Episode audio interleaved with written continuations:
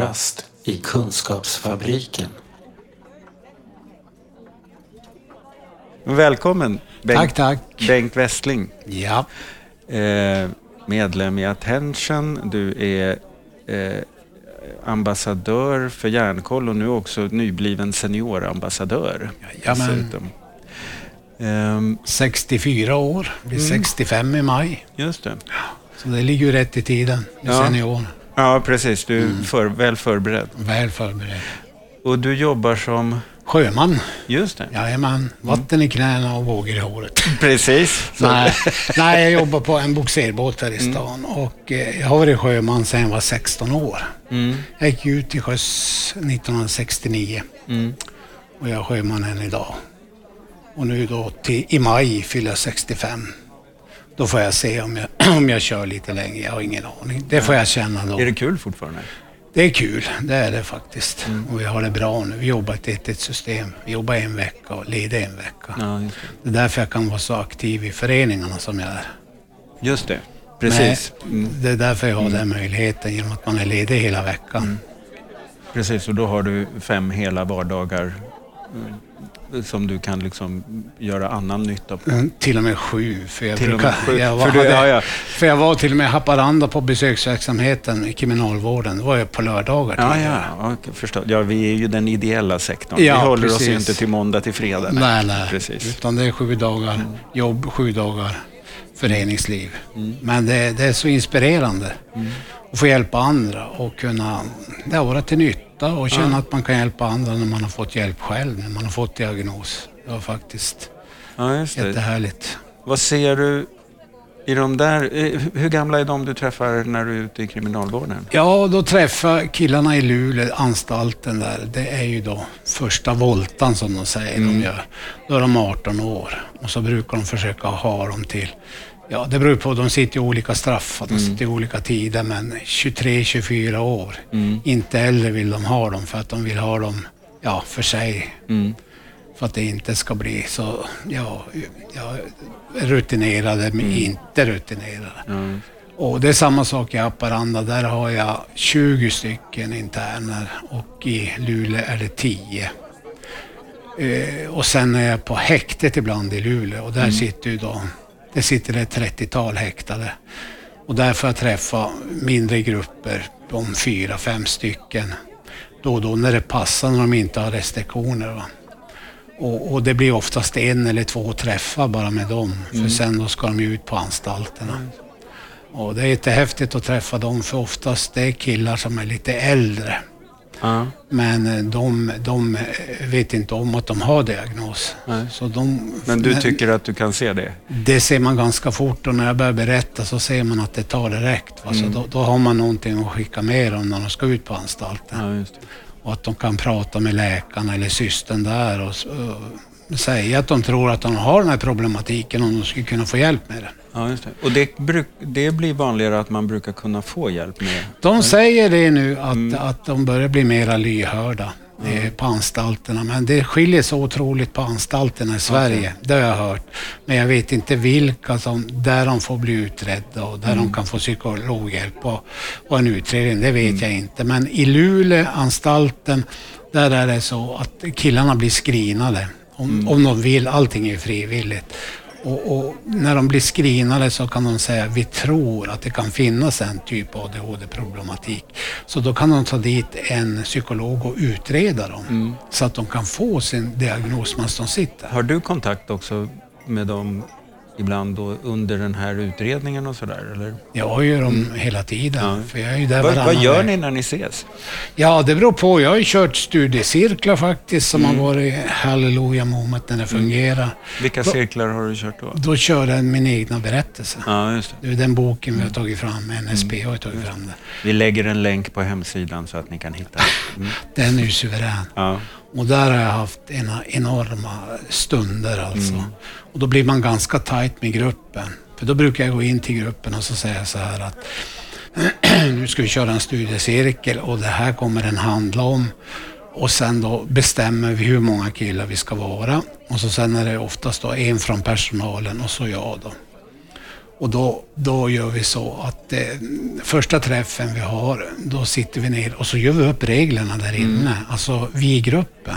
Det är vi i gruppen som sätter reglerna. Hur ska vi göra det här? Hur ska vi, hur ska vi ha? Ja, alltså, jag, brukar, jag brukar göra så att jag skickar min snusdosa.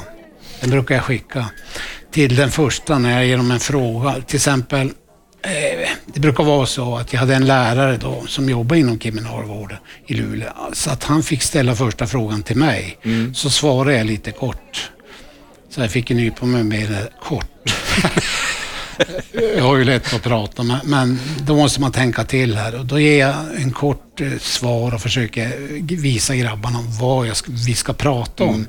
En liten hjälp här. Och eh, sen ger jag då första killen snusdosan. Då säger jag så här, så länge du har snusdosan så har du ordet. Mm. Och ingen kan avbryta det eller du får prata så länge du vill. Eller, och så får du när du är färdig så kan du ge du snusdosan till kompisen bredvid. Va? Men att är det någon som vill ställa en fråga till dig så kan man fråga, får jag ställa en fråga? Mm. Och då är det upp till dig om du vill ha det eller inte. Och sen får du snusa det blodigt. Så. Här är det gratis snus. det är belöningen. Ja, det är belöningen.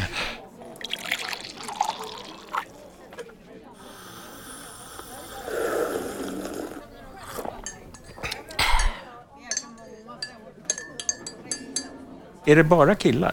Det är bara killar då som sitter på, här... mm, på, på häktet sitter det kvinnor också, men mm. det, det, är 99, 95 procent karlar. Ja. Men på anstalten är det bara killar. Ja. Både Haparanda och Luleå. Eh, vad händer med dem när de går i cirklarna? Eller vad, du sa hallelujah moments. Ja, de, det blir helt fantastiskt. De har sådana otroliga berättelser. Mm. Och när de får det här, liksom, när de känner att det bär, inte bara för mig och, och, och, och kanske anstaltspersonalen där som sitter mm. med mig, utan det, det bär för dem själva, att de mm. kan respektera varandra. Mm. Och det räcker med att en öppnar upp, då kan de andra öppna upp. Mm. Känner du igen dig i dem? Kanske lite när jag var mm. yngre, men jag brukar säga åt grabbarna, varför inte jag hamnade här, det var för att jag fick ett jobb. Jag var 16 år när jag gick ut till sjöss. Jag fick den här strukturen som är så viktigt när man har ADHD. Mm. Och, och, jag brukar säga det åt dem också, det bästa stället att vara på om man har mycket ADHD, det är att sitta på kåken. För här har ni struktur. struktur. Och de håller med mig faktiskt. Kafferast i Kunskapsfabriken. Vad händer med dem när de här då som eh, gör en screening och tackar ja kanske till en utredning och får en diagnos. Eh, vad händer med dem då? Till och med så är det ju så att då är det ju mellan läkaren och eh, individen. Och då kan man få prova medicin. Mm. Och det är ju jättebra att få prova på insidan för då är du ju där inne så att de tar ju blodtrycket och mm. de börjar lågt och så. Och, och, här gör ju både personalen och killarna vågen för mm. de, de, som det fungerar på. Men vi får inte glömma, det finns ju de också som inte vill ha medicin. Så är det absolut. Precis. Eh, sen finns det en debatt om medicin, att det är knark och så mm. vidare. Va? Men det, det, det, den debatten finns ju på utsidan också. Men därför går jag aldrig in i medicinfrågan. Mm. Utan jag säger medicinen, det är mellan dig och läkaren. Va? Ja. Utan jag kan berätta hur det är med diagnos och själv att jag äter medicin, medicin själv och det fungerar så bra för mig. Ja, Sen är det mellan individen och läkaren. Den, den biten kan inte vi lägga oss i. Men hur som helst så är det bra att ha en diagnos, brukar jag säga åt dem. Just det. det viktiga då... är att du får en diagnos, för då har du hjälp. Mm. Du ska använda din diagnos för, för att få hjälp. Och veta vilken kunskap man kan leta efter. Absolut, att du kan, det finns ju flera verktygslådor. Hur vet vi vad som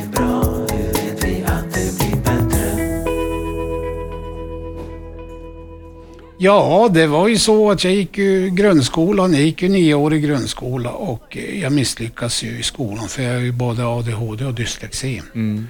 Och eh, jag fick ju gå om tvåan då och det var ju första smällen jag fick från skolan. Just att gå om, det var ju en förnedring bara det. Sen mm. hade ju mina kompisar, de gick ju då en klass över mig hela tiden. Och så var det hela skoltiden så att säga för att eh, det var de killarna och tjejerna jag umgicks med. Mm. Det var de som jag gick de i klass. du var årsbarn med? Ja, årsbarn mm. med. Så de här, jag gick som i fel klass, jag mm. hade fel kläder om du förstår vad jag menar. Men, och det var jättejobbigt. Och du vet, man fick ju vara clown och man fick ju vara det mesta. Men eh, det visade, jag fick ju då femma gymnastik. Och så fick jag femma slöjd. Och så fick jag trea teckning, för då fick jag teckningen av tjejerna som jag visade till läraren. Så jag var en liten tjejtjusare där. Och tjejerna gillar mig och jag gillar tjejerna. Och så var jag bäst i skolan i idrott. Ja. Jag var bäst i allt när det gällde idrott. Och det var från ja, mellanstadiet, sjuan, åttan, nian. Jag spelade i skollaget när jag gick i Blev det som en sån där liten oas för dig? Det, där? Det blev min oas. Va? Och det är det jag säger. Klarar man inte skolan och det går trögt där, om det har, kanske som jag då, dyslexi och ADHD, det är jättesvårt alltså. Då, då, då kan man ju, ingen sitter bara längst bak och dör där bakom, utan då kan man ju bli sämst om inte annat, för då blir det ju någon. Va? Ja. Du slår läraren på käften eller kompisarna blir en tuffing där ute. Precis. Det var ju som, jag kommer ihåg när vi ska ha en skrivning och så sen då sa läraren, ja nu ska jag ha en skrivning här i historia till exempel. Alla får ju hem och läste och läste och där kom jag då liksom inte hade läst läxan för jag hade ju svårt att läsa. Men eh, ja, vad gjorde jag? Jag gick in i klassrummet, man delade ut stencilerna, lä- läraren där och jag skrev ju under mitt namn.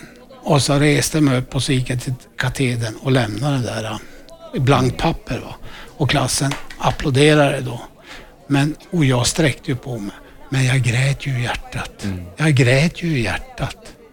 Men, Så du, det var jättetufft. men rent, vad ska man säga, som image så lyckades du liksom visa att du bar det här med någon slags Stolthet, stolthet ja. ja. Jag skiter det- i det här Mm. liksom. Ja.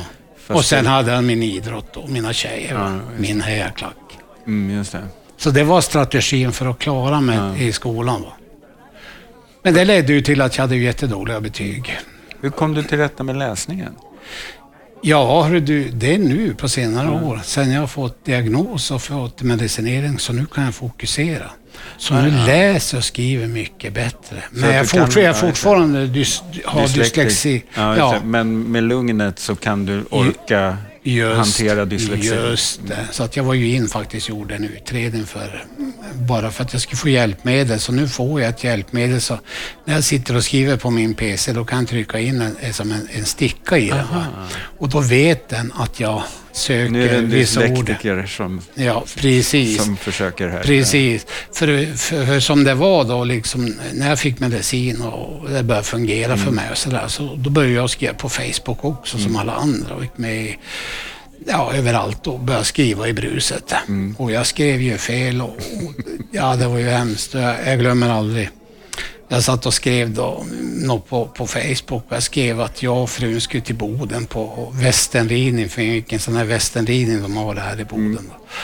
Ja, och bla bla bla bla. Och så, då kom jag till västernridningen och då visade det direkt alltså, era skrivprogram. Alltså att här är det felstavat. Va?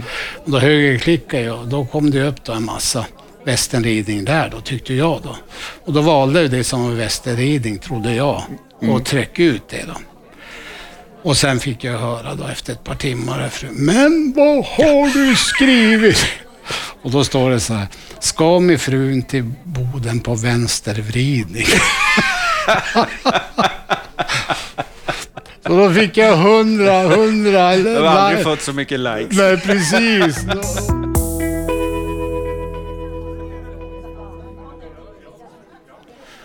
Och eh, jag är en av seniorambassadörerna idag. Jag tror vi är 30 stycken i Sverige. Eh, Så att eh, nu kommer vi fara ut och, och, och prata om det här med psykisk ohälsa eh, vid plus 60-65. För vi ser ju att det är en otrolig eh, suicides här. Det är ju en om dagen faktiskt. Och då börjar vi undra vad kan det bero på? Och då finns det teorier varför. Jag har bland annat en, om du har haft ADHD hela livet, haft ett jobb va? och sen går du i pension, då, har du, då tappar du mycket av strukturen. Då ska man bestämma allt själv från morgon till kväll. Absolut. Och jag brukar säga det, det var en kille som sa det från kriminalvården som har suttit. Han sa så här, att, och det tycker jag är jättebra, dygnet kan man räkna in i tre timmar, åtta timmars perioder. Åtta timmar ska du förhoppningsvis sova. Åtta timmar ska du vara förhoppningsvis på en sysselsättning eller ett jobb. Då har du bara åtta timmar kvar att fucka upp. Mm. Men har du ingenting, Du har din sömn. 24 timmar att fucka upp. Då har du, ja, eller du kanske behöver sova fyra, fem. Ja. Förstår du? Det ligger mycket i det. Va? Och där är strukturen. Så jag säger A och O är för oss när det gäller ADHD i alla fall, tycker jag, det är arbete. Det är biljetten in till livet. Just det. För då får du, du får en lön, du får en värdighet, du kan skaffa dig bil, du kan skaffa dig fru, hund, Men du har också Huset. arbetstider arbetstider. som Det- du kan lita på. på Just sätt. precis. Och det var nog det som räddade mig. För jag var 16 år och stack till sjöss. Ja. Mm, Och det var 69 och jag är sjöman än idag. just det. Och är du på båt så kan du inte liksom gå vilse. Nej, det går inte heller. Utan det, jag lärde mig jobbet. Va? Mm. Och, och när jag lärde, när jag fick ramarna. Här är vi. Här, behöver inte det här gör vi. så mycket heller. Nej, Nej. precis. Och det blev jag jätteduktig på. Mm. Så det blev en trygghet för mig. Så jobbet har alltid varit en trygghet för mig. Vad ser du fram emot eh, i seniorambassadörskapet? Vad vad vill du prata om? Ja, och komma ut och pra- precis, komma och prata om hur jag hade det i livet innan jag fick diagnos och hur viktigt det var att få ett jobb och vad händer om man tappar jobbet då, eller när man slutar jobbet då. Och som jag idag, jag kommer ju falla till, om jag lägger av nu till exempel till sommar och går pension, då har jag ju följt upp med, min, med mina Alltså mitt Alla dina engagemang. ja, precis. Mm. Och eh, engagera andra människor. Och eh, jag tror att det finns ett stort mörkertal bland äldre som har diagnoser. Men de, Mm. har inte, de har inte fått diagnos för att de har klarat sig. För vi, jag visste ju heller ingenting annat förrän jag fick diagnosen. Hur gammal jag tror, var du när du fick Jag var 55. Ja. Och jag är 64 idag. Mm. Förstår du? Ja. Så jag visste ju inget annat eh, innan jag blev 55. Men livet blev ju helt förändrat sen jag fick diagnos och min medicinering. Va? Och det, det kanske de människorna inte har fått, så därför ska ju de ha samma chans Egentligen att få borde man, på samma sätt som man erbjuder screening för interner, så borde man in, erbjuda screening för nyblivna pensionärer. Absolut, vilken grej, där Ja. har vi det. På löpande band säger jag.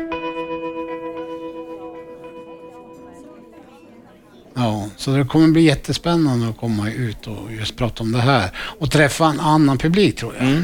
Som vi inte har träffat tidigare.